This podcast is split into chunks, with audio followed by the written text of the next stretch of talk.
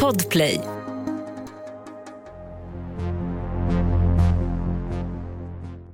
Säg damerna att vi måste förhindra danskarna att komma in i landet. Annars har vi snart ingen, inga lagar kvar här, ingen ordning och reda alls. Jaså inte? Nej, de är inte kloka. De är så frigjorda de här danskarna så man skulle kunna tro att de saknar grundskoleutbildning.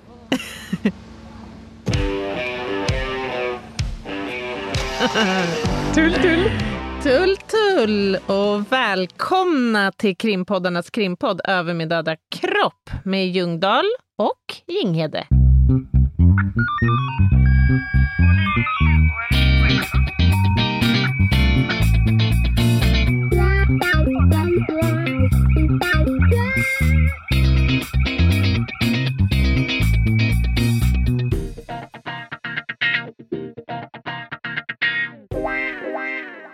Och vi är i tullens domäner idag, Ljungdahl. Det är vi verkligen. Jag fnissade när jag tittade på detta klipp. Kommer du ihåg Tullan i Solstolarna? Ja, det är klart jag gör. Det är ju en klassiker. Var det någonting med köttbullar, eller minns jag fel? Var det något med köttbullar, frågar du? En stark scen. Det var någonting med köttbullar. Jag, jag har en stark scen av att han står där i sin fula uniform, håller typ i några köttbullar och säger tull tull. Ja, kan det ha varit något vajsing med klareringen av köttbullarna kanske? Oklart. Ja. Det är ganska mycket som är oklart den här veckan för oss. Verkligen! Alltså här känner jag att jag är ute på extremt djupa vatten. Jag tänkte säga, har isen någonsin varit tunnare för oss? Nej, det känns lite så. Men det är då, vid de här tillfällena, som det är så himla härligt att man kan eh, ta hjälp av någon. Mm. Och det har du gjort. Ja, vi hade svårligen kunnat hämta hem hela det här avsnittet på egen, egen påse, så att säga. Nej, det hade inte gått. Nej, och eh, inte vem som helst, utan jag har ju fått tag på karn som är chef för alla tulltjänstemän i yttre tjänst i Sverige. Mm. Och han ska vi höra vad han har att säga efter pausen, men låt oss försöka brodera lite grann. Vi har ju, vi har ju lite på tullen. Ja, lite har vi ju. Och jag blir ju lite nyfiken direkt när du säger att han var, vad sa du, tulltjänsteman i yttre tjänst. Nej men För- alltså, han chefar över dem som står i uniform. Tulltjänstemännen. Ja, Men alltså, har du sett en uniformerad tulltjänsteman eller kvinna bredvid en uniformerad polis? det har jag. Och om man kisar så ser jag ingen skillnad. Nej, men jag såg en bild för inte så länge sedan. Jag undrar om det kan ha varit i Polistidningen, för de hade gjort ett reportage om tullen. Och då hade de ställt upp en uniformerad polis bredvid en uniformerad tulltjänsteman. Och de var ju identiska nästan. I alltså Mm. samma typ av uniform och det var reflexer och det var allt möjligt. Och kanske är det en, ett, en, ett vanligt missförstånd där ute i stugorna. Att, alltså att tulltjänstemän faktiskt är poliser i grund och botten. Ja, det, det tror jag nog, i alla fall när man ser dem sådär. Men jag tror också det kommer nog klarna för er alla när jag intervjuar eh, Martin, som han Mm. heter. Jag tror också att ute i stugan att man tror att erfarenheten, eller det man liksom tror att tullen håller på med, vi har ju alla s- strukit längs väggen i terminal 5, när man ska mm. kommer hem från sin resa undrar om det vart Ja. Bli, En blir man liter lite för mycket. nervös? Ne- Man blir lite nervös när man går igenom där, fast man inte behöver det. Exakt. Det är då man ser dem, eller om man har varit på sån här kryssning och spelat gratis bingo i mässen och kommer tillbaka, då kan de ju också stå med bister min. Ja, Gärna med en liten ut. hund. Ja, ser lite sura ut. Mm. Nej, men så här, polisen jobbar ju eh, med kriminalitet som rör människor. Och tullen, de jobbar ju med kriminalitet som rör varor, förenklat. Det är ju en väsentlig skillnad i alla fall. Mm. Så vitt Ja. jag förstår i alla fall. Jo, men det, det stämmer, men, men du kanske liksom jag kommer bli förvånad över eh, hur stor del de har i brottsbekämpningen. Eh, Mm. För att ett uttalat mål eh, som de har, det är att bekämpa den grova organiserade brottsligheten. Mm. Man tänker gärna liksom sig eh, och, och prit. Och vapen, tänker jag. Och vapen. Men, Och knark. eh, de... Ja, men jag ska inte gå händelserna i förväg, utan det kommer visa sig i intervjun. Men det är... De har ju två liksom, olika delar i sin verksamhet. Och Det ena är ju kontrollverksamheten, att se till att det inte kommer in skit. Och den Mm. andra är ju brottsbekämpning, ish. Ja, men det ska bli superspännande. Och en annan väsentlig skillnad är ju att polisen och tullen är två olika myndigheter. Tullverket är ju en statlig myndighet precis som polisen är. Ja.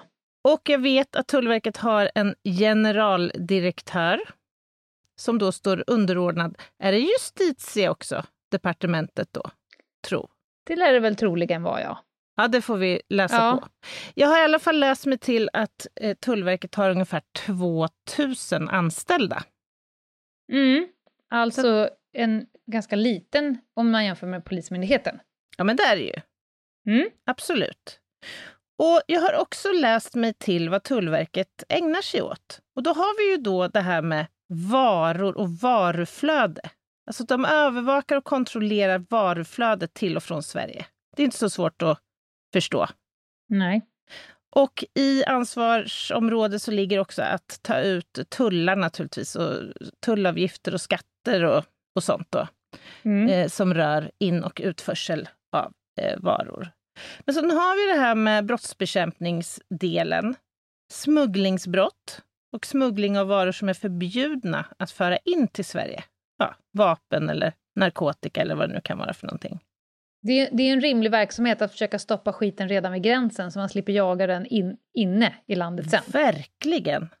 Verkligen. Och det slog mig när du nämnde lite grann, när du ändå spoilade lite grann av intervjun, hur Mm. otroligt viktigt det är med bra, en bra gränskontroll. Mm. Jag kan också spoila att jag frågade nämligen i intervjun hur, stor, hur bred är en gräns? Vet du hur bred en gräns är? Men när slutar det vara gräns? Det är väl ungefär som att fråga hur långt ett snöre är. Ja, men det finns en siffra. Jaha, men gud vad spännande. Berätta. Gränsen slutar en och en halv mil in. Va? Ja, det är gränsområdet. Det är gränsnära, en och en halv mil in i landet. Jaha. Är det så överallt längs gränsen då? Ja, det är deras verksamhetsområde. Det här är spännande. Det, det här kommer klarna, för du har ju redan räknat ut att då är ju hela Malmö en gräns. Ja, Från bron, så att säga. ja, ja. ja, Ja, ja, men ja. det, det, här, det här kommer klarna. Jag gillar hur många såna här cliffhangers jag hänger ut nu. Ja, men det här är så spännande. Men Mm. alltså, jag, jag tänker då om det här är en statlig myndighet som också jobbar med brottsbekämpning och eh, det här med varudeklaration och tullavgifter och allting, så måste det ju också finnas ett antal lagar och regler som styr deras verksamhet, Lena. Tack att du frågar. Nu känner jag mig som David Sundin. Att du frågar. Ja, men det här har jag förberett lite grann. Nej, men låt mig eh, ta med er på en juridisk eh, rättsväsenderesa här.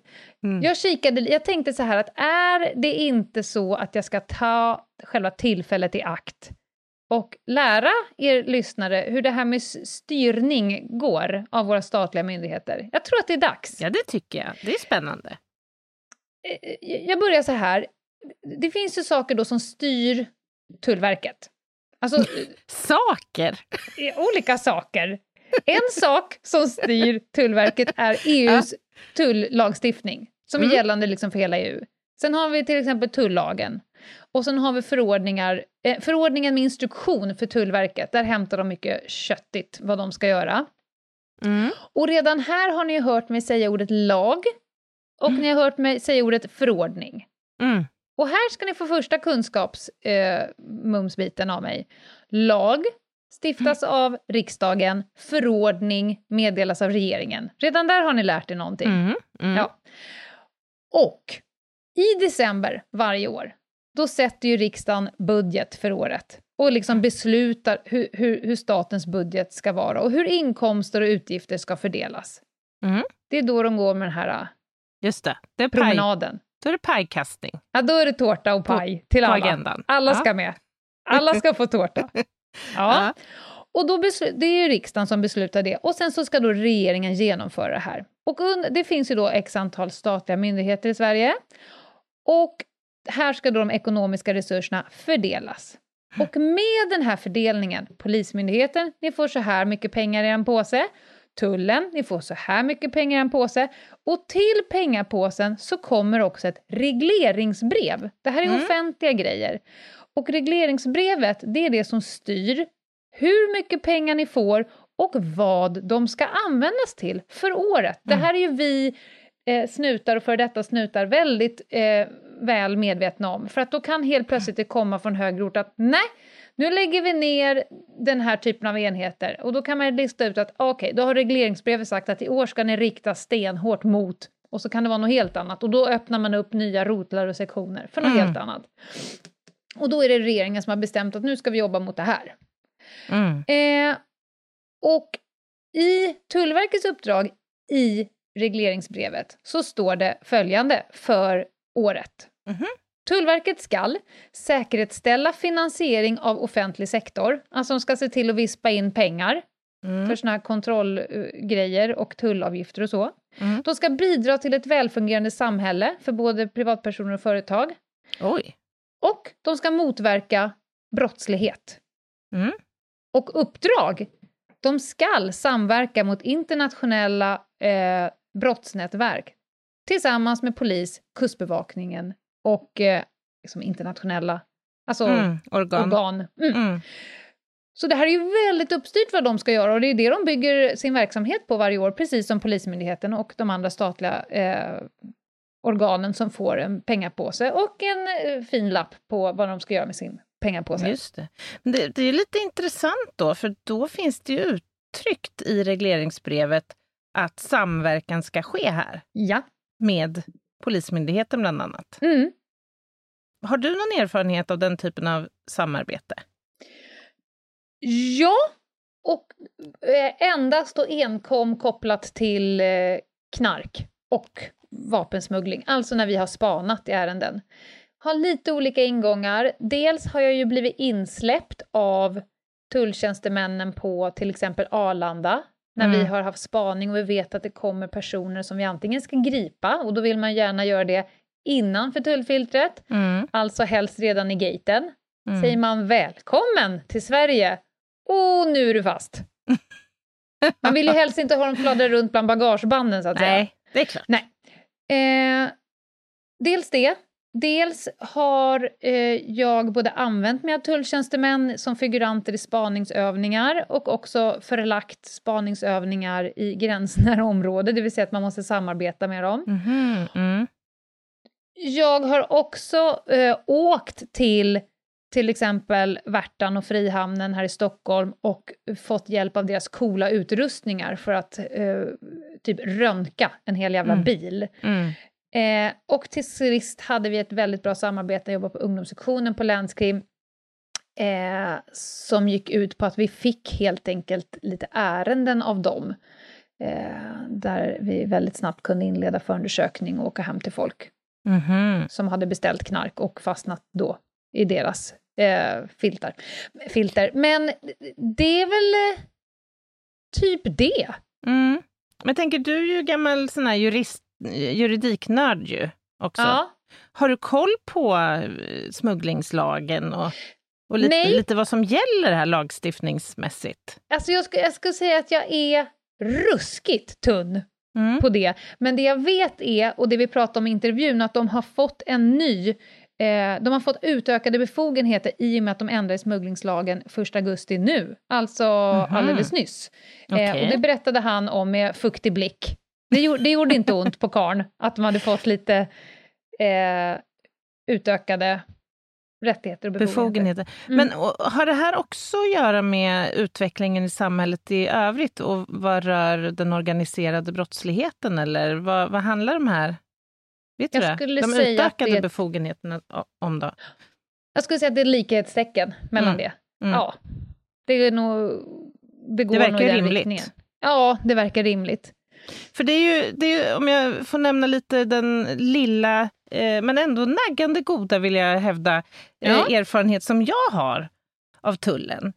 Så har det ju varit fråga om lite samma frågeställning som du var inne på. Alltså man har behövt, vi har behövt hjälp att lysa igenom fordon till exempel, Mm. om man söker lönnutrymmen i, i en bil eller så. och där man tänker sig att det kan finnas sprängmedel eller vapen eller så.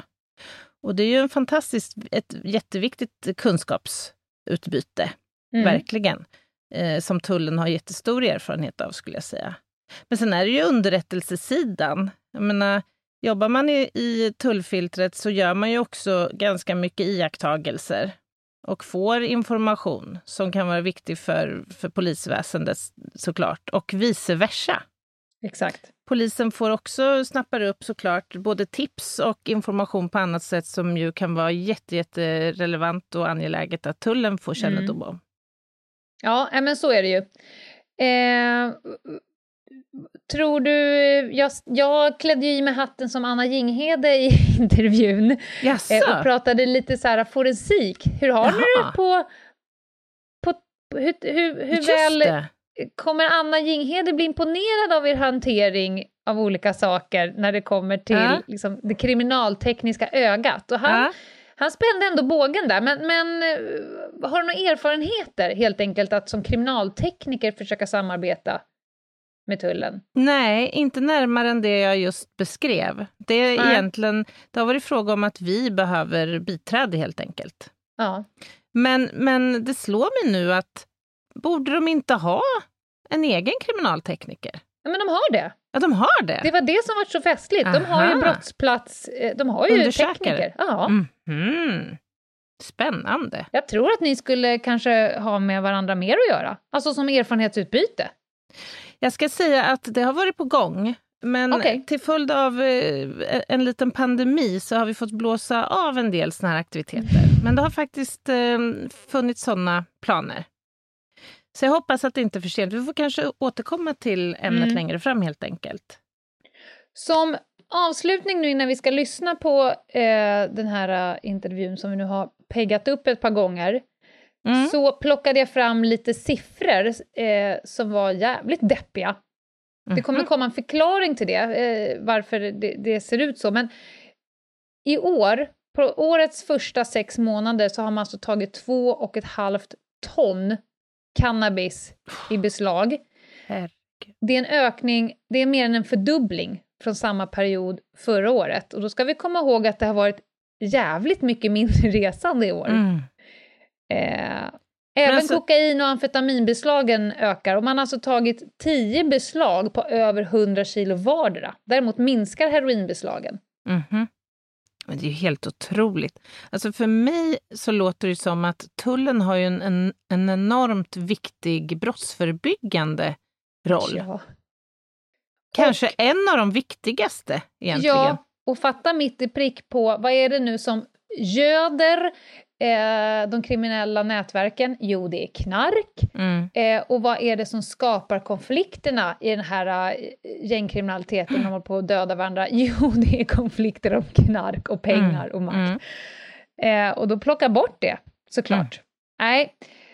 Vi, eh, det ska, nu har vi liksom eh, nibblat så mycket på det här, så Mm. nu går vi på paus och sen ska vi få höra facit. Ja, jag längtar så mycket. Tull, tull. Ett poddtips från Podplay. I fallen jag aldrig glömmer djupdyker Hasse Aro i arbetet bakom några av Sveriges mest uppseendeväckande brottsutredningar. Går vi in med hemlig telefonavlyssning och, och då upplever vi att vi får en total förändring av hans beteende. Vad är det som händer nu? Vem är det som läcker? Och så säger han att jag är kriminell, jag har varit kriminell i hela mitt liv men att mörda ett barn, där går min gräns. Nya säsongen av Fallen jag aldrig glömmer på Podplay.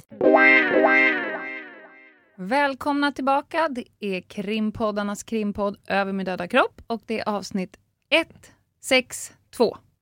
Och eh, Ljungan är tillbaka är i den tjusiga och fina intervjustudion hos Podplay.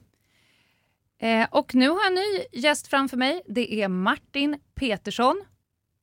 Jag läser titeln avdelningschef, Tullverket. Det stämmer tackar, Lena. tackar. Tack, tack. Eh, vem är du? Eh, jag är en glad skåning i mina bästa år, höll jag på att säga. Så skånskt svarat. Någonstans där har vi satt ribban tror jag. Ja. Och var, varför eh, är du avdelningschef? Ja, det undrar jag ibland också Lena, men eh, jag fick tjänsten vid årsskiftet när vi gick in i en omorganisation. Eh, Mm. Så vi håller på att strukturera om Tullverket lite grann och effektivisera oss. Eh, så jag fick rollen och klev på den eh, 1 januari och eh, stationerade i Stockholm. I vanliga fall så bor jag nere i Skåne som du kanske hör på dialekten. Mm. Så jag, jag kommer att veckopendla här nu framöver mellan, mellan Skåne och Stockholm. Då. Så Va, det- vad, inne, vad innebär att vara avdelningschef? Eh, Det innebär att jag har ansvar för alla uniformerade tulltjänstemän från, eh, från Trelleborg i söder hela vägen upp till, till Haparanda och all form av alltså initialkontroll, fysisk kontroll som Mhm. sker. Eh, Så att eh, Det, det, där får vi nog återkomma till. det gör jag gärna. Fysisk kontroll betyder nog olika för dig och för mig. Det kanske det gör. Ja. ja. Jag vet att kunskapen om Tullverket generellt är rätt låg. Mm. Eh, både hos mig och hos Anna Mm. och kanske hos våra lyssnare. Man Mm. har sett på eh, er när man stryker längs väggen, terminal 5 på Arlanda Precis. och tänker har jag en flaska Marinella för mycket eller har jag inte det? eller om man kommer tillbaka från en kryssning. Det är väl kanske ungefär där erfarenheten är om man nu inte är in the shadows, in the shady business, in the shadows. Precis. Ja, En del kan ha sett solstolarna också. Ja de, de har vi varit inne på. Tull, Precis. tull, tull. ja, glöm inte det. Säg att det är så. ja, men det, det får man ju höra ett par gånger. Ja. Så att, eh, Men vad gör men, ni? Men den bilden st- stämmer inte riktigt Lena. Nej. Eh, Det är väl den bilden som kanske allmänheten har och de flesta att, att tulltjänstemännen står och tar en flaska sprit från en charterresenär eller en limpa cigaretter på, på Finlandskryssningen. Eh, Det är inte Tullverkets huvuduppdrag utan vi jobbar väldigt mycket mot den organiserade brottsligheten. Vårt fokusområde är ju narkotika och, och skjutvapen. Mm. Så att det- den bilden stämmer inte riktigt så att säga. Verkligheten och vardagen ser annorlunda ut. Vi jobbar ju som sagt primärt riktat mot eh, organiserad brottslighet. Sen gör vi naturligtvis insatser eh, kring en flaska för mycket på en charterresenär och en limpa cigaretter för det får man inte heller lov att ha med sig. Men, men huvudfokus för verksamheten är eh, kontroller riktade mot eh, organiserad brottslighet. Det, det tror jag är nytt Mm. för folks öron. Ja, det tror jag också. Eh, För det märker man ibland när man hör och har en diskussion med en resenär eh, och de kanske har varit uttagna från tullkontroll och vi inte hittar någonting. Men av någon anledning har vi fått en misstanke. Eh, Och där kan man ju då ibland få feedbacken att de trodde inte vi sysslade med det och framförallt att vi inte hade befogenheterna till det. Nej. För, för Tullverket har ju väldigt vidgående kontrollbefogenheter ifall man sätter relation till polisen. Men jag misstänker att vi pratar om det längre fram så vi kan ta det då. Nej, men vi kan komma in på det, era st- styrande dokument. Vi har ju nämnt eh, regleringsbrevet Mm. till exempel. Eh, och ni får ju precis som polisen varje år att det här är vad ni ska eh, liksom sikta in er på Precis. för året. Yes. Är det uttalat den organiserade brottsligheten? Ja, det är det. Storskalig och frekvent eh, smuggling och organiserad brottslighet. Mm. Det, det är det som är fokus för det, den brottsbekämpande delen av Tullverket. Vi har ju en fiskal del också för hela Tullverket jobbar ju inte med renodlad brottsbekämpning, alltså narkotika och skjutvapen till exempel. Utan det är bara halva myndigheten. Den andra halvan av myndigheten är fiskala och fungerar ungefär som Skatteverket. Alltså Mm. vi tar in tullavgifter för statsfinanserna. Ja, det vet, det vet man ju. Alltså någon gång när man har köpt någonting eh, på nätet Ja. och är jävligt nöjd över ett bra pris. Ja. Och sen så ett par veckor senare så kommer det ett inbetalningskort på tre gånger summan mot det man handlade. Ja. Det är ju ni som har varit involverade då. Ja, så är det. Mm. Eh, Jag kan väl säga det oftast är det Postnord eh, som är, hanterar det och så tar de ut en eh, administrativ avgift Mm. på 75 kronor och så ringer folk oss och är förbannade över de här 75 kronorna. Men det har ingenting med Tullverket att göra utan Nej. det är Postnord. Så får ni det och reagerar på det så vänd er inte till Tullverket utan ring Postnord istället. Förmodligen har man glömt lösa något finstilt när man Precis. gjorde köpet. Ja. Okej, men då är det ju tydligt att ni har en ganska bred verksamhet, Mm. dels uppdelat på två som du säger. Mm. Eh, ni har rätt mycket olika funktioner, tänker jag då.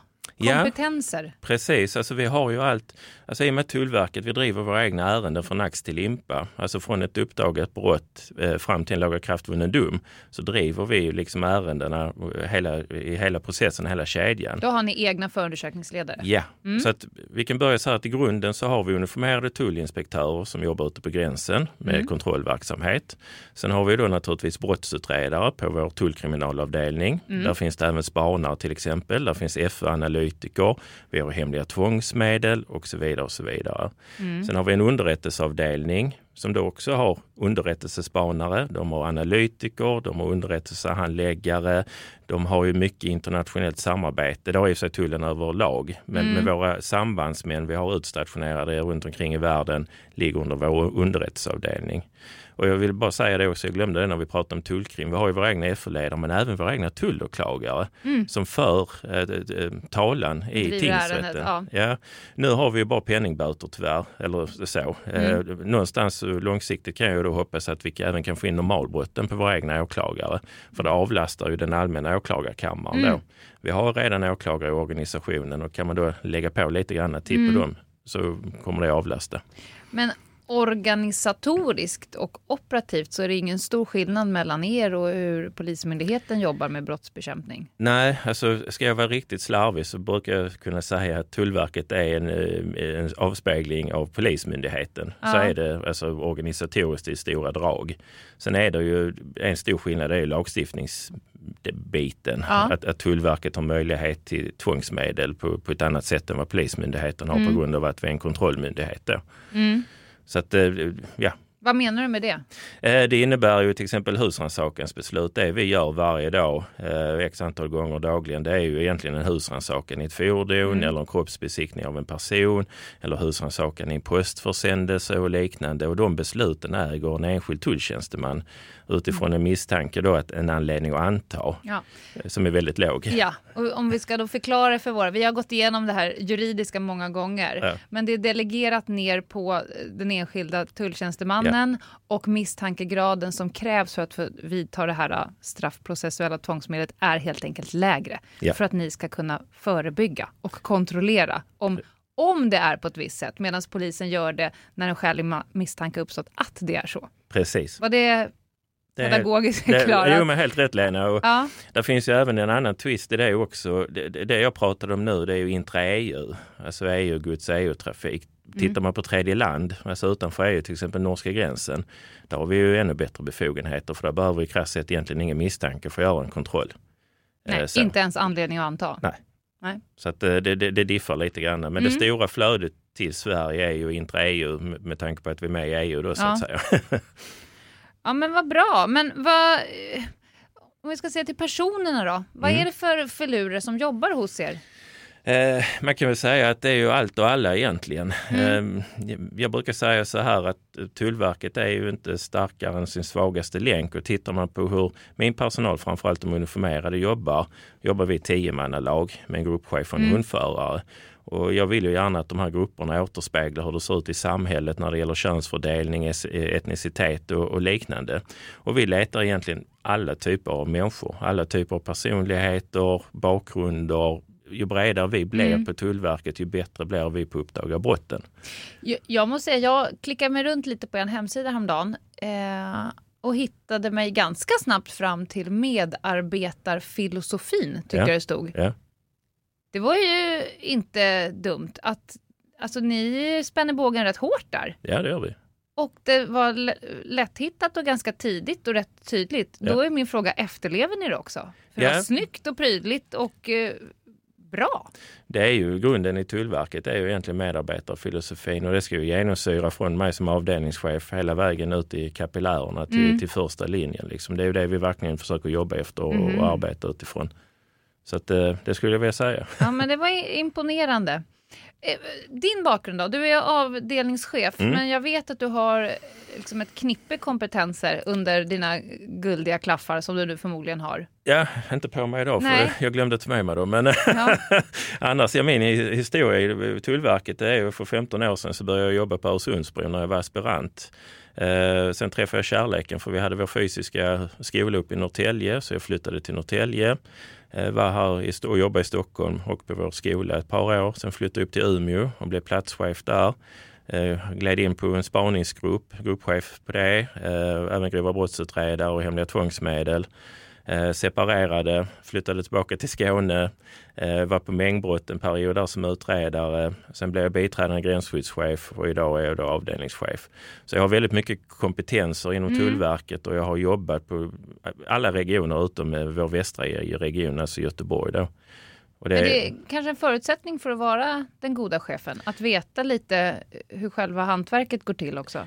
Det är det, jag träffade personalen i, i, i torsdags när jag var ute på Öresundsbron och de sa det att de tycker det är väldigt skönt att jag sitter på den positionen jag gör. För mm. att det, jag har alltid varit väldigt noga med att ha dialog och kontakt med första linjen i min gamla roll också. Liksom för att få feedback och lyssna av dem. Eh, både hur beslut landar naturligtvis men även vad jag kan göra som blir bättre för dem. Sen har vi ju naturligtvis en befälsordning som jag inte ska kringgå. Ja. Men, men, men det är aldrig fel liksom att ta en dialog.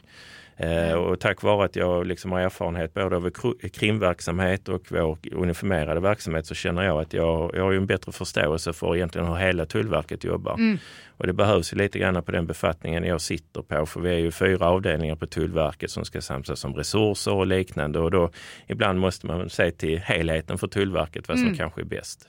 Ja, men och då jag har en fråga här som jag vill ställa, men jag gissar svaret. Hur ser en vanlig dag ut för Martin? Ja. Min, min vanliga dag på, på jobb idag behöver vi kanske inte prata om för det är bara möten från 8 till 16.30. Men mm. om man tittar tillbaka på de andra tjänsterna jag haft, framförallt spaning och, och uniform, så det, där finns ju ingen vanlig dag. Eh, spaningen kanske man har vissa förutsättningar med hjälp av hemliga tvångsmedel och förstå hur dagen för den misstänkte kommer vara och då kan vi anpassa och spegla den naturligtvis. Mm. Eh, men tittar man på uniformsyrket så, så vet man ju aldrig hur, hur den dagen ser ut. För vi är en kontrollmyndighet, vi uppdagar ju brotten själva. Eh, det är väldigt få personer som ringer in och anmäler brott till Tullverket. Man kan tipsa om företeelser och liknande men vi måste uppdaga brotten själv. Mm. Och då är det ju så att då måste man ha den här jaktlusten och ju mer jag jagar ju större är sannolikheten att jag uppdagar ett brott och då blir ju det också att dagen, jag vet ju inte hur den slutar. Nej. Det kan ju vara allt från man tar några gram till kanske en teleskopbatong på Öresundstågen nere i Malmö till att man hittar 15 eh, kilo amfetamin i en bil eh, i Värtahamnen. Eh, så. Och det, och det är det jag alltid har liksom gillat, alltså haft som en tjusning.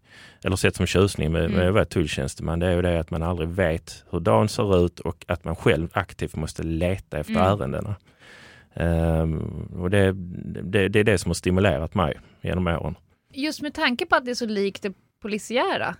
Är det vanligt att tulltjänstemän blir poliser eller poliser blir tull... Det känns som att det är lite hugget som stucket var man hamnar där. För det är ju samma mm. typ av eh, personer och kompetenser som du pratar om. Ja men precis så är det ju. Eh, tittar man historiskt så har vi väl kanske haft en större förflyttning av tulltjänstemän som har gått till Polismyndigheten efter ett par år. Men nu ser vi tvärtom att vi ungefär delar 50-50. Mm -hmm. Tappar vi x antal tulltjänstemän till Polismyndigheten så kommer x antal motsvarande tull, äh, poliser över till Tullverket årligen ungefär.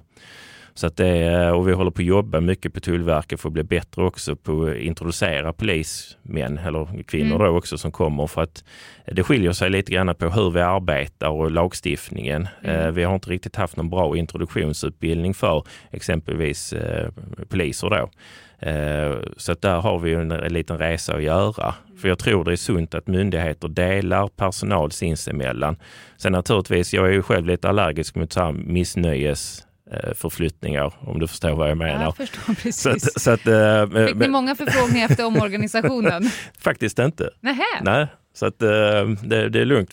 Däremot så såg vi när polisen gick in 2015 i sin omorganisation att sökantalet från polisen till tullen ökade. Ja, det var det jag menade. Ja, jag var, ja, därför jo, jag lät så förvånad. Ja, precis. Jo, ja. Ja, jo, nej, vår egen omorganisation har vi inte märkt de tendenserna att man vill flytta. Liksom, nej, så. men okej. Okay. Mm. Ja, då kanske ni har gjort ert jobb bättre i så fall. Ja, det återstår att se. ja, men, eh, så vi pratar lite lagstiftning, det ligger mm. mig lite varmt om hjärtat. Jag vet att ni första augusti i år har fått en, ett nytt verktyg i, mm. i lådan. Precis. Eh, det är för att smugglingslagen har ändrats. Ja. Hur påverkar det ert arbete? Ja, alltså smugglingslagen har ju fått lite nya paragrafer som egentligen gör det möjligt för Tullverket att agera mot brott som i vanligt fall inte ligger i vår brottskatalog. Alltså, för att vara slarvig att säga, vi kan agera mot polisiära brott nu. Eh, och då, den lagstiftningen tog fram, togs fram framförallt med tanke på eh, stöldgods utgående kontroller och, mm. och, så. Men den är applicerbar egentligen på alla typer av brott som vi inte kan hantera eller får lov att hantera snarare. Jag ska inte säga att vi inte kan det, men vi får inte lov Nej. att hantera det. Eh, och det är ju för att egentligen, vi kommer att lämna över de ärendena till Polismyndigheten men att Tullverket kan vidta initial, alltså utredningstekniska åtgärder i form av verkställande av beslag och frihetsberövande och, och lite så under ledning av en polisiär FO-ledare. Eh, så att eh, det, det, tror jag mycket på. Eh, vi har inte haft några konkreta ärenden operativt utan vi håller på att arbeta fram en handledning kring det. För det kommer kräva en viss vidareutbildning för tulltjänstemän också för Just. att förstå vilken, vad andra brott är. Vi, ja. vi, vi utbildas ju bara i, i vår lagstiftning mm. eh, och, och, så naturligtvis nödvärnsrätten och så vidare. Men, men eh, just eh, övriga delar av, av brottsbalken är, är, är inte vi riktigt bekanta med. Så att vi håller på att titta på det. Jag ska ta fram en handledning, oh, en vidareutbildning. För bra. Att, för att, för att det går inte bara från och med den första augusti gå ut och, och, och göra Börja grejer. veva? Nej. Så nej. Att, eh, Slå en lagbok i huvudet på folk då och då bara? Nej, precis. Nej. Så att, så att, och, och sen är det reglerat till gränsen helt mm. enkelt. Uh, för det är ju där smugglingslagen är verksam. Vi har ju andra lagstiftningar som vi kan arbeta med inne i landet, men där är inte de paragraferna inlagda. Så det är enkom vid gränsen. Mm. Så. Så Hur att, lång är en gräns? Ja, det är ju en definition. Det, det, det finns lite olika eh, ja, vad ska man säga, bedömningsgrunder. Eh, dels, alltså grunden är en och en halv mil från gränspassagen. Okej, okay. det, det är rätt tjock gräns. Ja, det är ju det. Ja. Eh, så, nu, nu är detta en extremt uh, hypotetisk uh, tanke, men ja. mäter man en och en halv mil från Öresundsbron till exempel mm. så är det anser område mm. enligt vår rättsavdelning.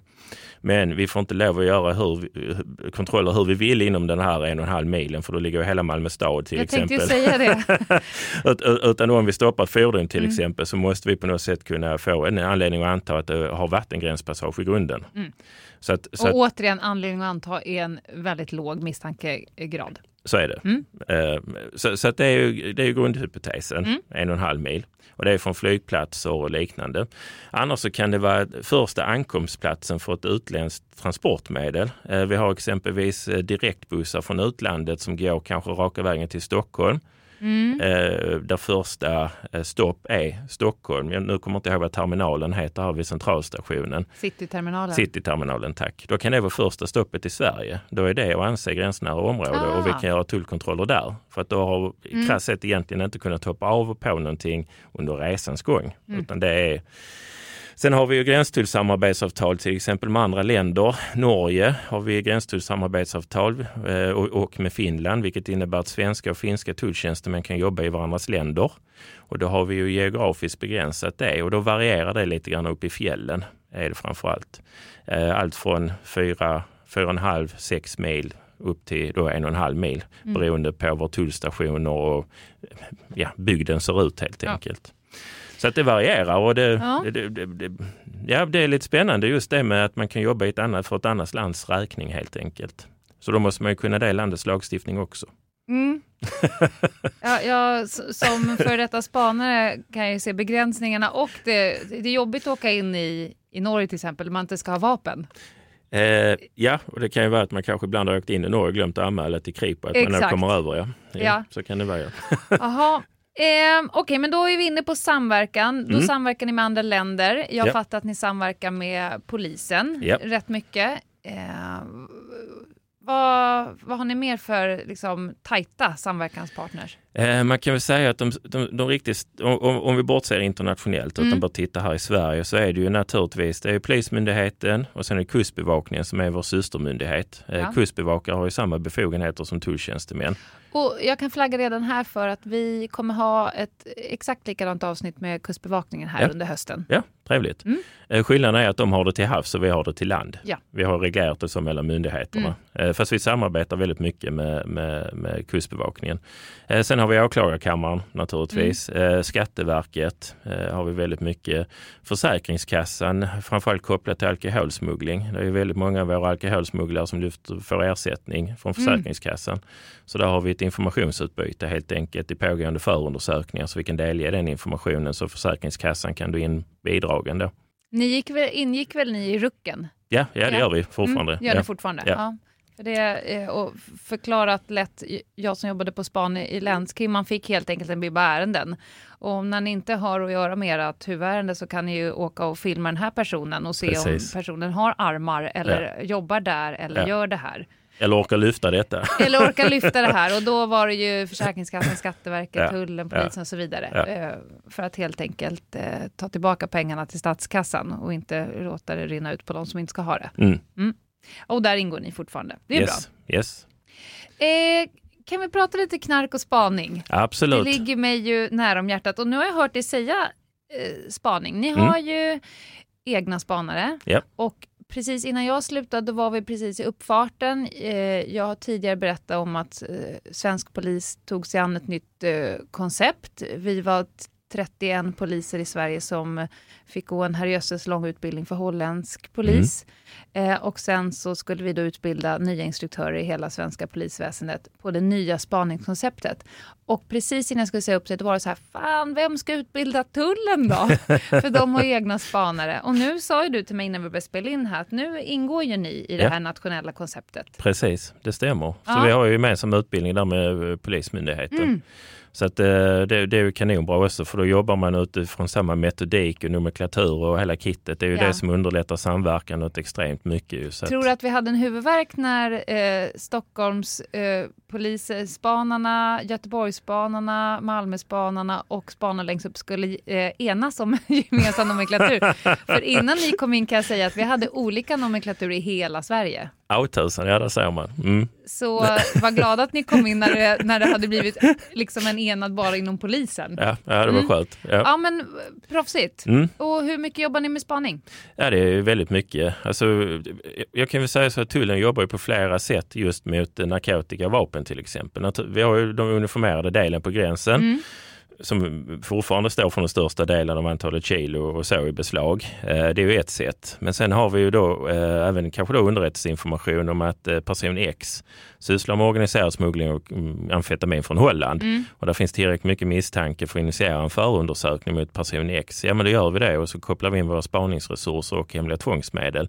Och då har vi kanske inte konkret något beslag att gå på Nej. utan då är det ju mer en en misstanke, alltså underrättelseinformation och liknande som vi jobbar vidare på.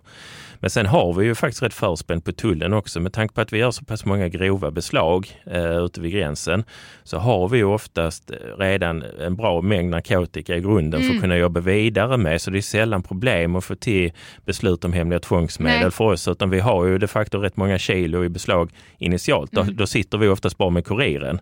Åklagaren vet redan att ni ligger rätt. Ja, precis. Mm. S- Sen börjar då arbetet med att knyta mottagaren i, i Sverige och avsändaren i utlandet. Mm. Eh, så vi strävar ju alltid efter att göra sådana här kontrollerade leveranser kallar vi det för. Ja. Eh, så att, eh, och, det, och det är ju de som oftast ger väldigt bra effekt eh, Mm. med väldigt begränsad tidsåtgång så att säga.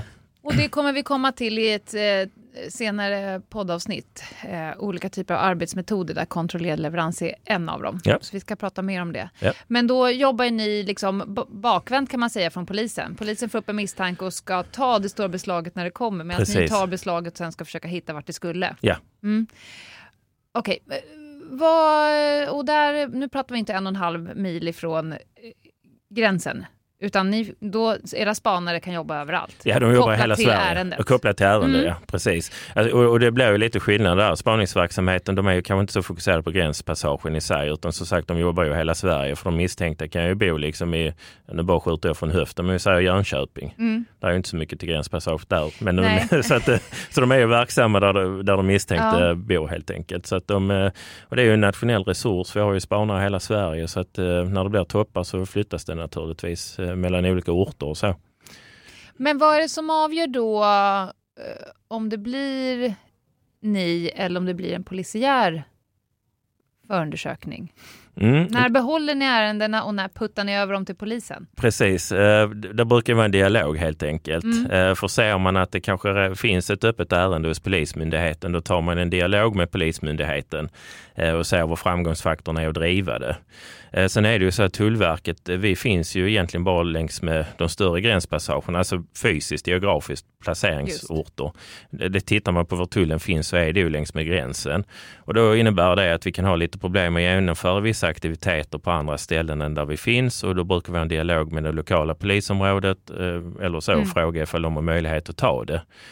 Norrköping och Linköping här till exempel har ju varit väldigt aktiva när det gäller kontrollerade leveranser där vi har tagit grejerna Mm. men vi har själv inte resurser att genomföra det och då har de varit på hugget. Eh, Så det är jättekul. Det är ju fantastiskt när det funkar på det sättet. Mm. Då finns det ingen konkurrenstanke här utan mer en samverkans... Ja men så är det ju. Eh, och, det är ju det enda sättet att gå framåt ju. Ja, Eh, och knarket då? Jag pratade här innan eh, vår paus lite om eh, mina erfarenheter av att samarbeta med er.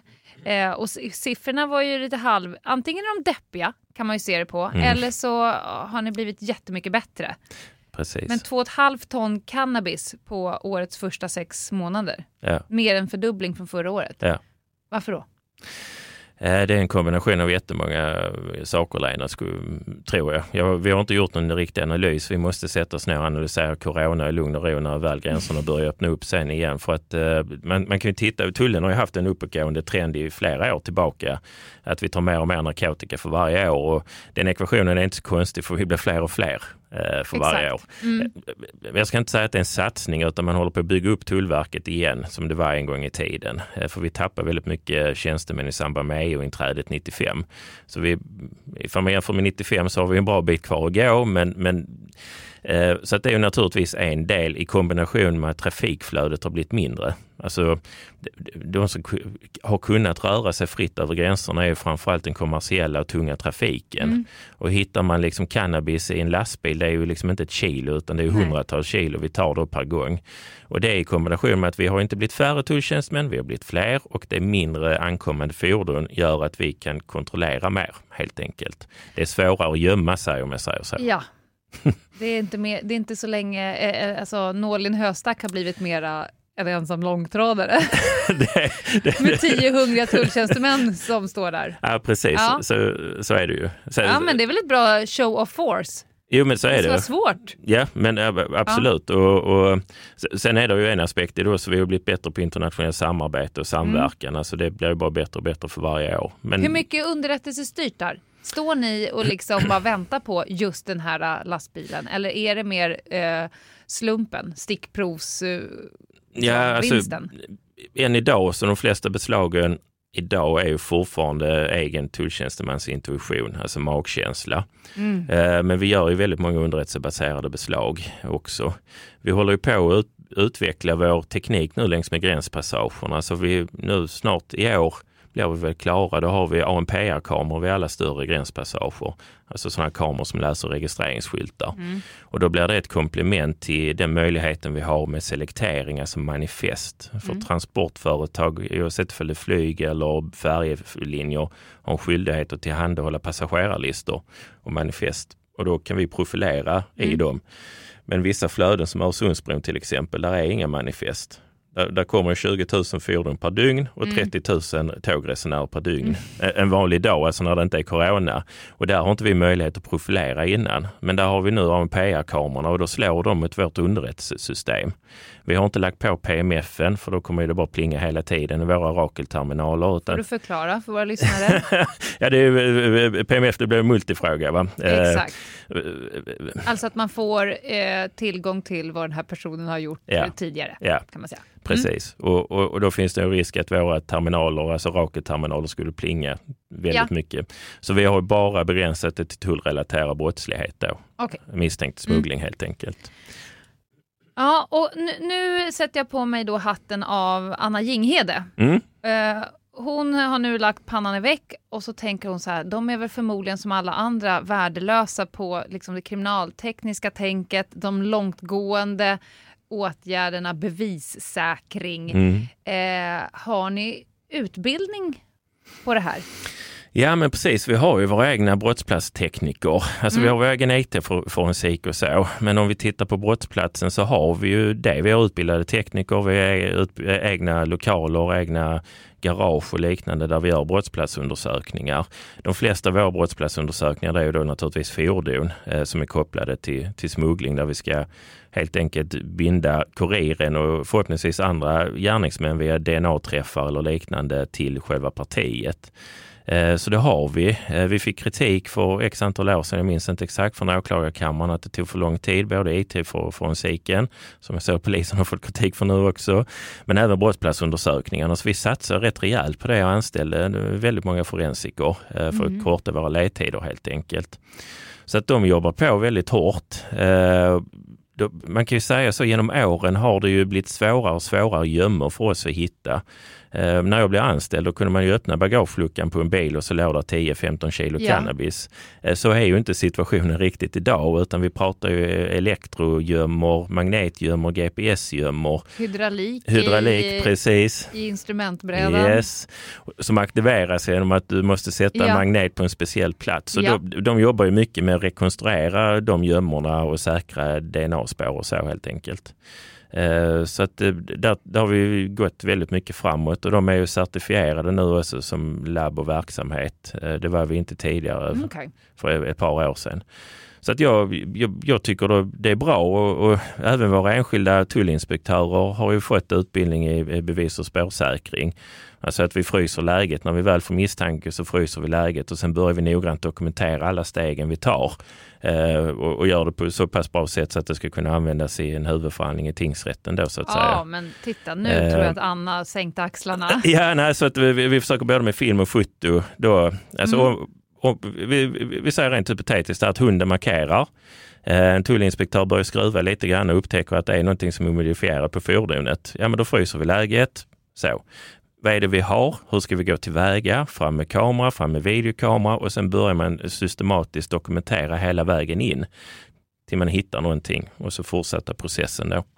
Så att det, det, det är vi väldigt noga med för då har vi märkt att det kan vara skillnad på en fällande eller friande dom eh, helt enkelt. Absolut. F- Fördelen vi har det är ju att det här händer liksom i, ett fullt utrustat garage där vi äger tiden, vi äger rummet, eh, vi har alla möjligheter i världen att göra någonting bra av det.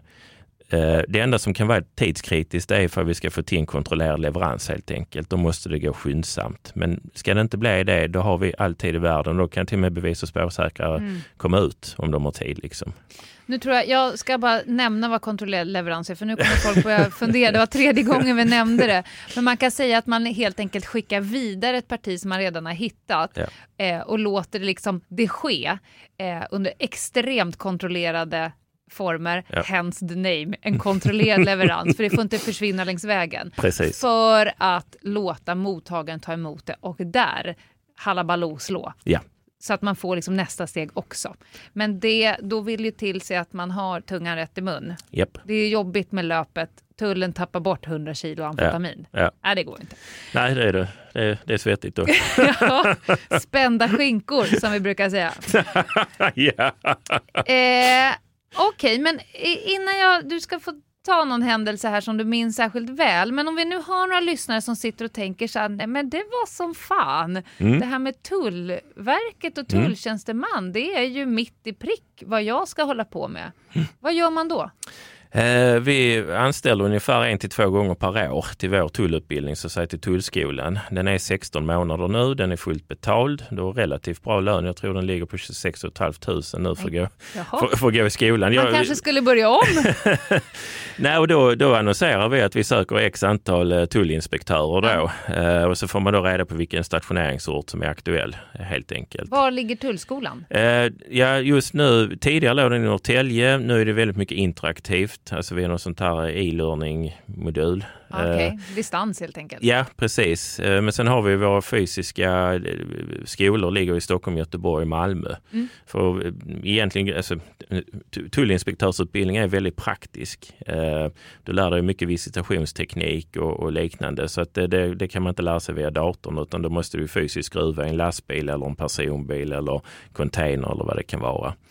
Eh, Så, så det, går- det, det, det, är ungefär en till två gånger beroende på hur mycket pengar vi får helt enkelt. Lägger vi ut annonser. De brukar komma i januari och i september ungefär. Eh, Lägger vi ut dem. Eh, Så att vi har en klass som börjar nu i september. Sen är det inte fler planerade just nu. Sen vet vi att det är lite turbulent i politiken idag så vi vet faktiskt inte hur budgeten ser ut för Just nästa det. år. Så jag väntar bara besked på det och är det en positiv budget så kommer vi gå igång med en rekrytering här. Och, och vem söker ni? Vi söker allt och alla. Allt och alla gör vi. Mm. Eh, Men, men man ska inte ha, ha allt för mycket brottsregistret. nej, nej, naturligtvis, du måste vara ostraffad. Ja. Svensk medborgare, eller det har vi tagit bort, men du måste klara en säkerhetsklassning. Ja.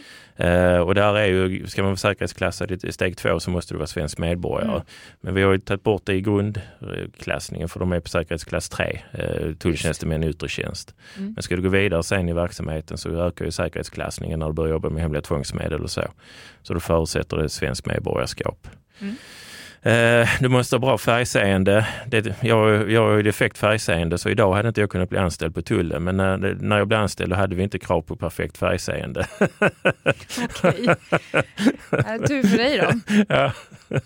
Ja, men då ni som är sugna, vad går man in på då? Tullverket.se och Ja. kikar? Precis, och sen brukar det komma ut eh, på LinkedIn och vad heter in, alltså följer man Tullverket på Instagram eller Facebook så kommer det ut där också. Ja. Så att, ja.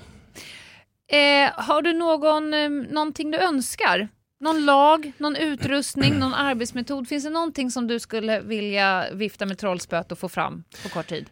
Ja, precis. Eh, ja, jag skulle ju gärna vilja att vi blir fler. Jag tycker egentligen inte om att sitta och diskutera resurser eh, så, för varje myndighet får de pengarna vi får och vi har de korten vi har och ska spela med. Men för mig är ekvationen ganska enkel. Ju fler tulltjänstemän, ju mindre narkotikavapen på gatorna blir det. Mm. Eh, det är oftast lättare att stoppa det precis på gränsen. Så. Det man ska veta, vi är ju bara ungefär 500 i uniform från Trelleborg till Haparanda i hela Sverige som ska göra initial, alltså fysisk kontroll, första kontroll vid gränsen. Det är inte jättemånga. Så att, eh, Men, och nu tror jag folk har fattat vad en fysisk kontroll är. Ja. Men 500? ja, det är ungefär det vi är idag. Det är den avdelningen jag har. Ja, eh, då är det en rimlig önskan att få bli fler. För jag tror att de allra flesta medborgarna här i Sverige, eller de som bor i Sverige, är rätt sugna på att stoppa grejerna redan vid gränsen. Ja. Sen är det ju det, vi har ju satsat jättemycket på teknisk utrustning som ett komplement. Men det, det kommer alltid, oavsett hur mycket underrättelse man än har och så vidare, hur mycket teknisk utrustning man än har så kommer det alltid behövas en tulltjänsteman som skruvar och plockar fram grejerna. Eh, och kanske har ett samtal med resenären exempelvis. För även ifall det ser jätteintressant ut underrättelsemässigt så är det ändå där och då i situationen man måste göra ett beslut. Kommer vi upp i en anledning att anta? Eller är det, vad är det, varför ska vi kontrollera den här personen? Eh, så att eh, Nej, men just det med, med, med, med, med mer personal. Vi fick ju lite extra pengar här nu av regeringen som vi har omsatt i eh, backscatters, alltså mobila eh, röntgenapparater, eh, handburna. Eh, polisen är ju faktiskt och besöker oss och tar del av våra pilottester för Ja, men ni har ju coolare grejer. Ja, men det har vi ju. I, ibland. Jag, för jag ibland, själv- ibland ja. jag jobbade på en enhet där man jobbar mycket med gränsöverskridande Ja. brott. Alltså Ja. narkotikasmuggling, människosmuggling, vapensmuggling. Eh, och då utifrån spaning så kan man ju se att den här bilen är 1000 procent preppad. Mm. Varför tankar de var tionde mil en Ja. ny bil Ja. där det är preppad tank och så vidare. Eh, det är inte helt ovanligt att man från polisens sida ringer till tullen bara, får vi komma? Precis. Kan ni bara ta den här bilen och skruva isär den i atomer för det finns grejer i den? Och då har ju ni coola grejer. Ja, det, precis, det stämmer. Vi brukar hjälpa polisen eh, med eftervisitationer så att säga. Mm. Att, eh, ni misstänker att det är någonting och eh, ni kan inte hitta det. Nej, men då brukar vi hjälpa till helt enkelt. För vi har ju andra tekniska möjligheter. Är det så röntga själva fordonet för att kanske hitta avvikelsen där och då. Mm. Men sen generellt sett så är vi ju bättre på att skruva bil helt enkelt om jag får lov att använda det uttrycket. Ja, alltså jag hittar ratten och gaspedalen. Jag är dålig på broms. Men, ja, men man blir bra på det man gör. Så är det, så är det. Så att, eh, och vi har ju våra stora scannerbussar eller lastbilar då och då brukar vi hjälpa till också eh, polisen. Men då brukar vi, brukar vi be polisen då samla x antal fordon så att vi tar allihopa samtidigt för det tar lite tid att gruppera den här stora lastbilen vi har och så. Men då hjälper vi till att röntga dem också och så vidare. Så det är klart vi måste ju hjälpas åt ju. Mm, det är ändå ett gemensamt mål. Precis. Ja, men ska vi avsluta då? Eh, jag ser det här har varit så intressant och tiden rinner iväg. Men om du får eh, välja något sånt där ärende som Mm. du för alltid och evigt kommer minnas och som du tror att våra lyssnare är nyfikna på. Jag kan faktiskt berätta, det, det, det var min första dag som aspirant. Eh, 10 kilo amfetamin, grovt brott i Helsingborg. Eh, det har jag med mig fortfarande, jag kommer aldrig glömma det. Eh, vi hade varit ute i, i, i skarp drift eh, som aspiranter kanske två timmar. Vi hade precis fått lära oss hur man skulle koka kaffe på rätt sätt. Liksom. Det var det viktigaste när jag kom ut på aspiranttjänstgöring. Stod vi och väntade på en färja. och uniformen satt lite så här, ja, ja jag ser dig framför du ser mig. Det framför mig va? Har du och rulla batongen i gruset för att den inte skulle vara så vit? Precis. Ja, okay. Så vi stod i färjeläget och så kommer en färja då, HH Ferries och de två sista bilarna som rullar av, det är två utländskregistrerade bilar. Så vi stoppar och börjar prata med dem då. Eh, sex stycken herrar, tre i varje fordon, eh, som skulle till samma stad, Stockholm. Eh, ena bilen skulle åka till, vet du, ni har en kyrkogård här, jag kommer inte ihåg vad den Skogskyrkogården. Tack. Eh, och skulle lägga blommor på en död kompis grav. Eh, de hade plastblommor i bilen och de, alltså deras story stämde inte riktigt. Det andra fordonet eh, skulle också till Stockholm, men de skulle gå på någon mässa som de inte visste riktigt var det var. Så att du hörde ju bara där i det dåliga stories. Eh, och då gjorde det att vi fick ta ut dem i garaget. Eh, sen sökte vår narkotikasökhund och tokmarkerade i den ena bilen, de som skulle till Skogskyrkogården. Då. Eh, så då sätter vi igång och börjar visitera den. Eh, under visitationen så hittar vi ju då två identiska väskor, alltså i varsin bil, en väska i varje bil. Eh, och till slut så hittar vi då ungefär 10 kilo amfetamin som ligger gömt i garneringarna i, där bak då i baksätet. Så började då, för då det är ganska glasklart att de här tre som satt i den bilen skulle anhållas i varje fall. Mm. Sen åklagaren var lite osäker på om de andra tre, om vi hade tillräckligt mycket skäl liksom för att kunna begära dem anhållna. Mm. Eh, och då blev det lite smått panik för att det, bara, det är klart de hade med detta att göra. Mm. Men det, det ju, sa magen. Precis, ja. och, och, och, det är ju jättesvårt där och då när vi inte har tillgång till telefonerna. Vi kan inte göra någonting och hitta bevis på det sättet.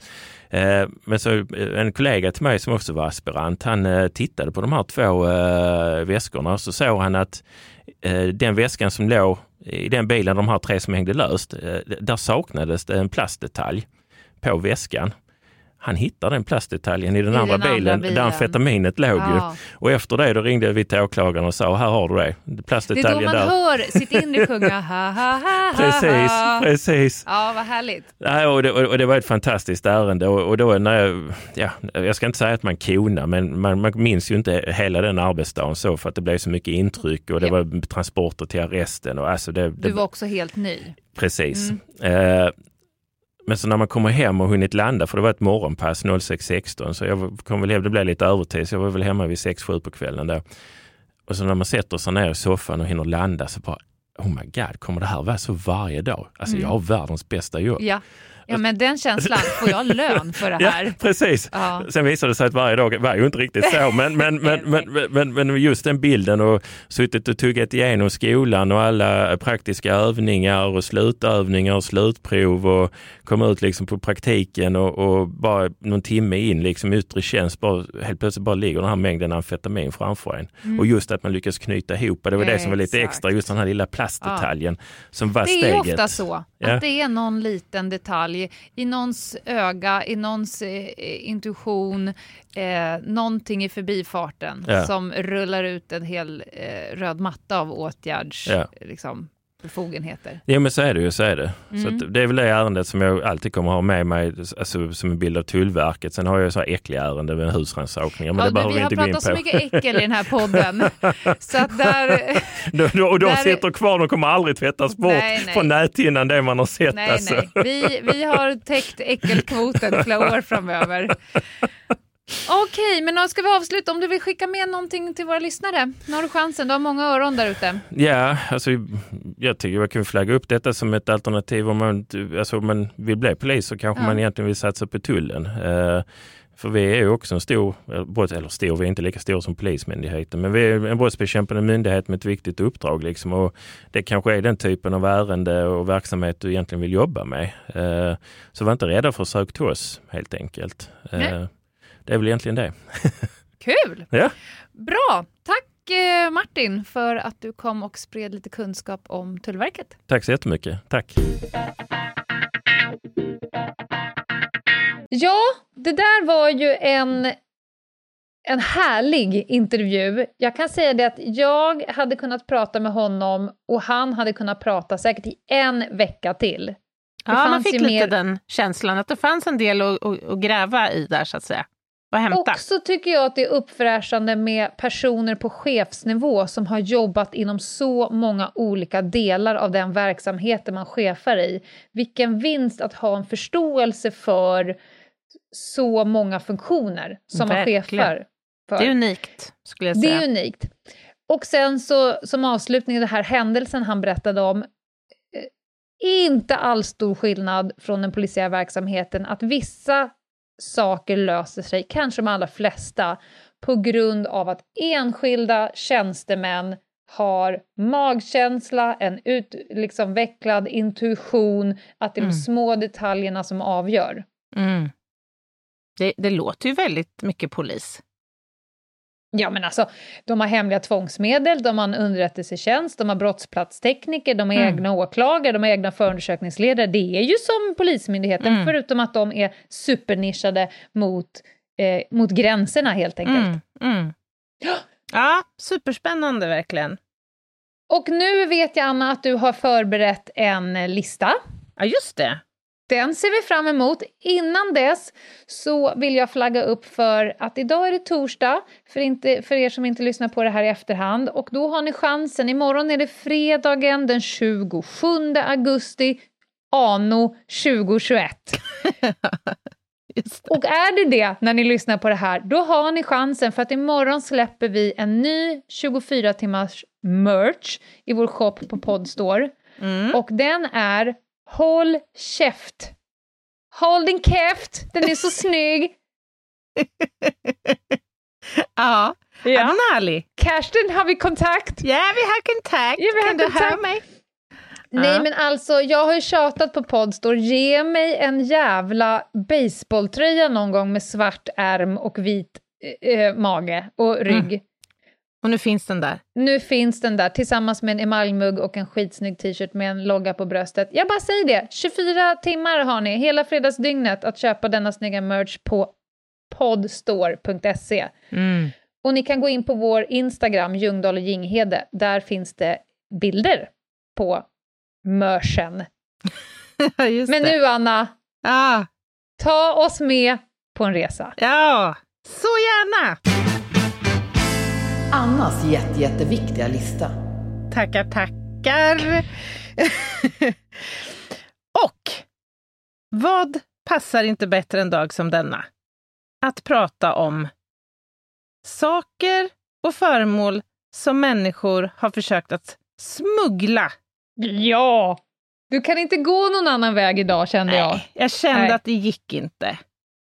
Eh, jag börjar så här på plats nummer fem. Är det två lamor? Nej, Alpacka. men det är mycket djur idag fy faktiskt. Fan vad härligt. Ja. Eh, Vi börjar i Sverige. Och det Mm. här hände på Arlanda för några år sedan, att en kvinna som då var inresande till Sverige, eh, precis när hon skulle då passera tullfiltret och du vet den, den där gången liksom ut till alla blombuketter som väntar och taxiskyltar och så här, då, då när man känner att det pirrar lite i magen av Mm. någon anledning. Ska jag klara det eller ska jag inte klara det? Exakt. Ja. Där noterade då en tulltjänsteman att den här kvinnan kliade sig infernaliskt. Infernaliskt heter det. På Som det heter. På bröna. På, på, bröst, på, på, på bröstet. Bröna. Ja. Ja. ja, du förstår ju. How nicely put of you. Ja, och det här väckte misstanke. Det här kändes Ja. inte korrekt. Så de sög in henne där då. Mm. Eh, och ställde lite lämpliga frågor till henne och eh, det slutade med att hon fick snällt ta av sig lilla skjortan, Mm. eller tröjan. Nej men då hade hon alltså 75, 75 lekande ormar i bhn. Varför? Ah, det är oklart. Och fanns det inget bättre ställe Ah. att förvara dem på än i bhn? Men jag tänker att hon kanske tänkte så här att det är smart ju. För att det här är liksom Ja. ändå en, en käns, ett känsligt område som man inte liksom gärna kanske ska titta på eller så här. Jag vet inte, man kan se ut lite... Man är fri att se ut lite hur man vill i den där regionen. Men det är att säga. svårt att dressera 75 ormar till att vara still, tänker jag. Ja. Synkroniserad stillhet i snokträsk. Jag undrar om de hade sederats på något sätt, för annars verkar det helt omöjligt att ha 75 snok eller ormar kvar i bh. Vad hade de gjort? Om de hade, alltså, om de hade fått något lugnande innan flygresan. Aha, okej. Mm. Men alltså, de måste ju rimligen vilja ta sig ur själva snuttehållaren. Eller? Ja. Ja. Jobbigt att peta in 75 ormar Atarax, en varsin tablett Atarax innan man går på flyget. Jävla cirkus alltså! Gunnar, ligg still! Nu är det Sörens tur. Jag tänker också eh, konststycket att få ner 75 eh, ormar i snuttehållaren. Bara en sån sak. Tänk dig, så, så öppnar du då för att stoppa ner nummer fyra. Nej, då hoppar nummer tre ur och sådär. Asstökigt. Ja, det är stökigt. Nej, vi går vidare. Plats nummer fyra. Och vi är kvar här på lite samma genre faktiskt. Och det här handlar om, eh, återigen, Arlanda och tullen på Arlanda. Nu är vi tio år tillbaka, 28 mars 2011. Mm. Då, då fattade tullen misstanke om några paket från eh, Hongkong som hade deklarerats som leksaker. Eh, det var någonting med det där som väckte intresset då. Eh, och, och det visade sig vara helt befogat. Eh, de här paketen var nämligen då adresserade till en man norr om Stockholm. Och när de öppnade upp paketet så visade det sig att där i så låg det två stycken kungskobror. Två råttsnokar och en månskenshuggorm. Ja, den vill man inte vara med om. Månskens... Det, är- det är som en sån här äh, kristallkärring i ormformat. Ja, det låter för mig som, det, det verkar för mig som att det var väldigt exotiska arter det här i alla fall. Mm. Och de här ormarna då, de överlämnades till, till. Skansen-akvariet. Ja. Ja. Eh, den, men den här mannen då som hade försökt att, att skicka de här kungskobrorna och de här andra reptilerna, han gav sig inte så lätt. Så exakt två månader senare, då, då fastnar han själv i tullen på Arlanda. Mm. Och när de sög in honom då för en liten kontroll, då beslagtogs, nu läser jag till här, 41 skorpioner och åtta levande giftiga ormar som han hade i sina eh, resväskor. Och då hade han varit ute och rest här till Kina och, och var på väg. Men Hem alltså, då. är det bra avans på de här grejerna? Jag vet inte. Alltså den här alltså, mannen... En jävla mäckig eh, smugglingsbusiness att ge sig in på Ja, kräldjur. Han fick frågan då och då uppgav han i förhör att hans plan var att avla på de här djuren. Mhm. Det verkar ju stökigt alltså. Ja, ja, jag fastnade vid att han skrev att det var leksaker. Kommer du ihåg de här ledade ormarna som fanns? som man kunde rulla ihop till en boll och göra hunden, giraffen. Det Ja, var just det. jätteroligt om de hade liksom så här, du får bevisa nu, på vilket sätt är den här månskenskobran en leksak? Lek lite numera nu, så får vi se. Lek med kobran då. Lek. Jag har nämligen själv eh, försökt smuggla in, eller jag lyckades framgångsrikt smuggla in en liter pina colada marmelad från, jag tror att det var från Maldiverna, eller jag vet inte, Thailand kanske. Vi var på ett hotell, var jävligt god pina colada marmelad varje morgon. Så jag, jag helt enkelt Det skulle du ha med dig jag lockade och pockade på kocken tills jag helt enkelt försöka, fick köpa loss en liter. Aha. Och då tänkte jag mig inte för, det var en glasburk, så jag tog med den i handbagaget. Och det skulle jag inte göra eftersom det var ju någon, man fick inte, det, Det klassas som det fick vätska. man inte, nej. nej. Nej. Men vid, för tidpunkten hade jag också en liten eh, geléklump som hängde en babybjörn på magen. Mitt barn. Ja, jag förstår. Jag förstår. Så, och då har man ju liksom skötväska och man får så att jag hör min mun helt plötsligt säga ett children's food. Lite med rysk brytning också blev det. Det. food. Nej men då fick jag bevisa. Så att han klickade upp burken och så tog jag bara en stor jävla sked och tryckte in i käften på, på barnet som inte hade börjat med typ smakportioner än. Bara, Så det första He han åt i livet, det var it. children food.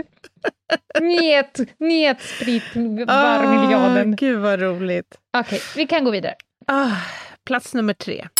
Nu ska vi till, till Stansted. Mm. Stansted Airport 2007. Och här är det då ytterligare en passagerare som vill ta med sig in till the UK, något, något konstigt. I hens väska så finns det syltburkar med något eh, slags innehåll i. Det, det är då någon, någon slags vätska i de här eh, burkarna. Och när man tittar lite närmre då på dess innehåll så visar det sig att det är alltså tio mänskliga ögon. Vad var det för syltburkar? Var det såna små engelska marmeladburkar så det fanns ett, ett öga i varje burk? Just Det är de är ju perfekt Ja, size för ögonsmuggling. Det måste ju vara ett helt, en helt fantastisk sån transport... Eh, Ja, burk. emballage. ja. ja, precis. Som en liten container då. Som du kan... Ja, nej, men, men det är lite, man, man får ju lite frågor ändå. Är det, är det fem personer som saknar sina eyeballs? Eller vad... What's up med det där? Det framgår nämligen inte av den här notisen som jag har hittat. Nej, på en väldigt... Vi låter oss hänga där. källa. Ja, Någon ni får- försökte plocka in tio ögon till Ja. London. Ja, det var vad jag hade att bjuda på, på den. Ja. Så jag går raskt vidare till plats nummer två. Eh, nu är det frågan om eh, Münchens flygplats. Mm. Och två italienska kvinnor eh, som visar sig eh, hade för, förpackat i sin eh, packning, sina resväskor, eh, en, eh, ett mänskligt kadaver.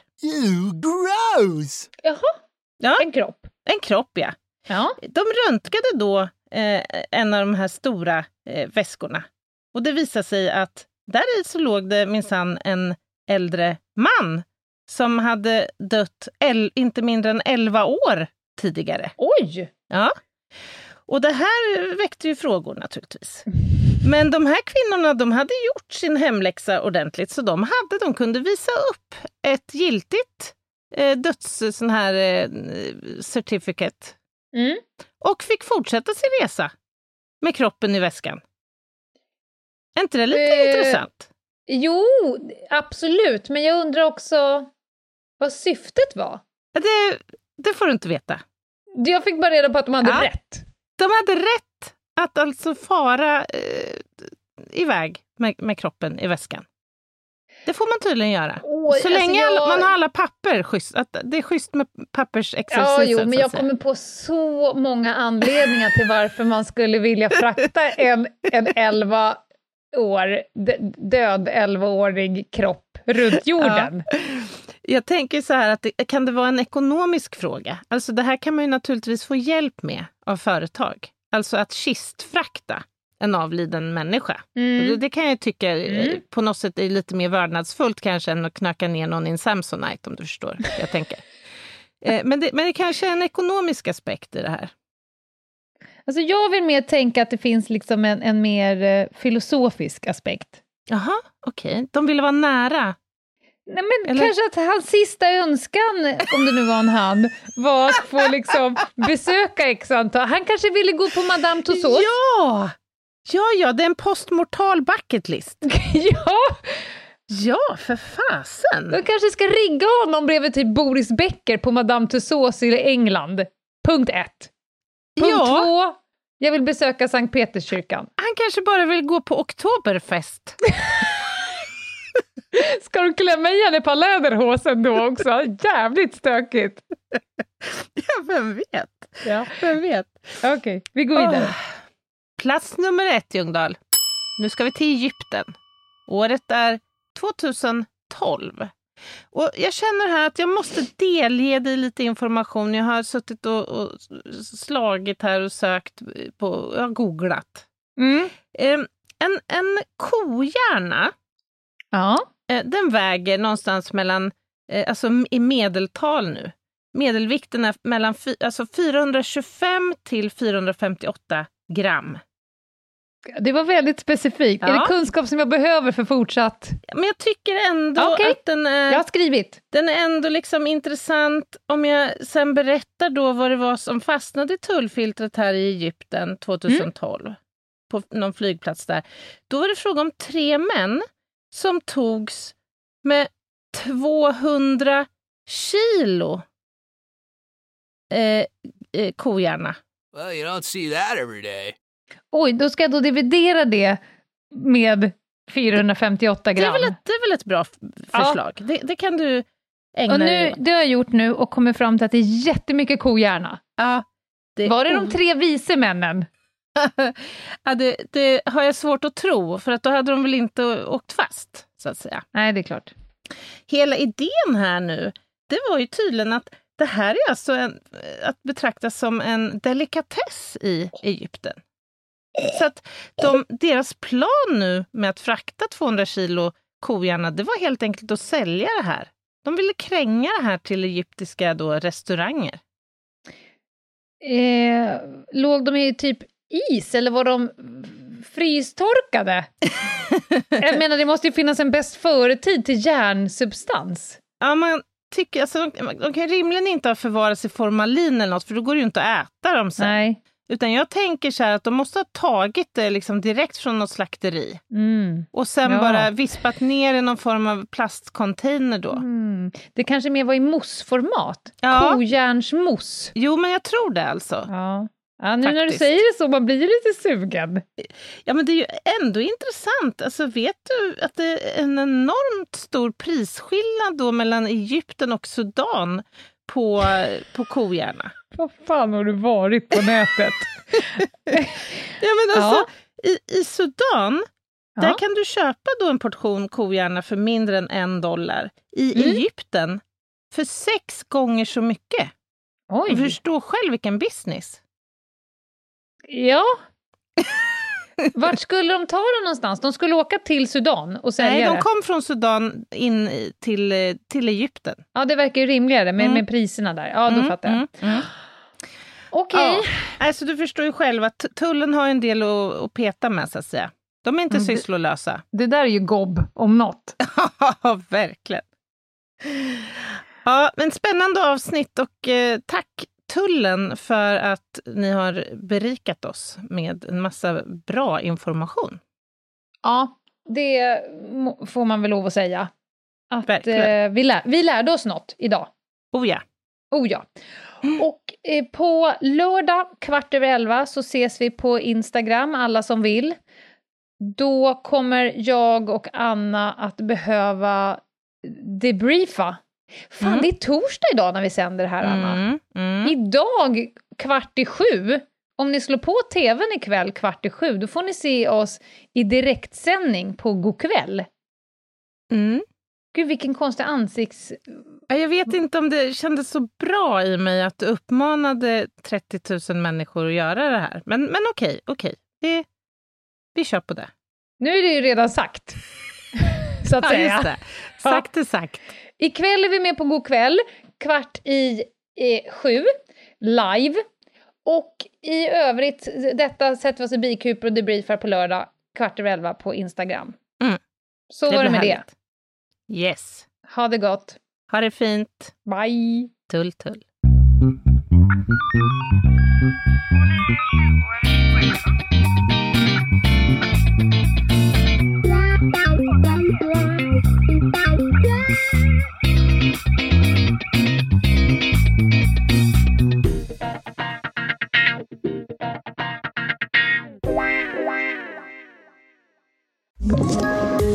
Poddtips från Podplay. I fallen jag aldrig glömmer djupdyker Hasse Aro i arbetet bakom några av Sveriges mest uppseendeväckande brottsutredningar. Går vi in med hemlig telefonavlyssning och, och då upplever vi att vi får en total förändring av hans beteende. Vad är det som händer nu? Vem är det som läcker? Och så säger han att jag är kriminell, jag har varit kriminell i hela mitt liv men att mörda ett barn, där går min gräns. Nya säsongen av Fallen jag aldrig glömmer på Podplay.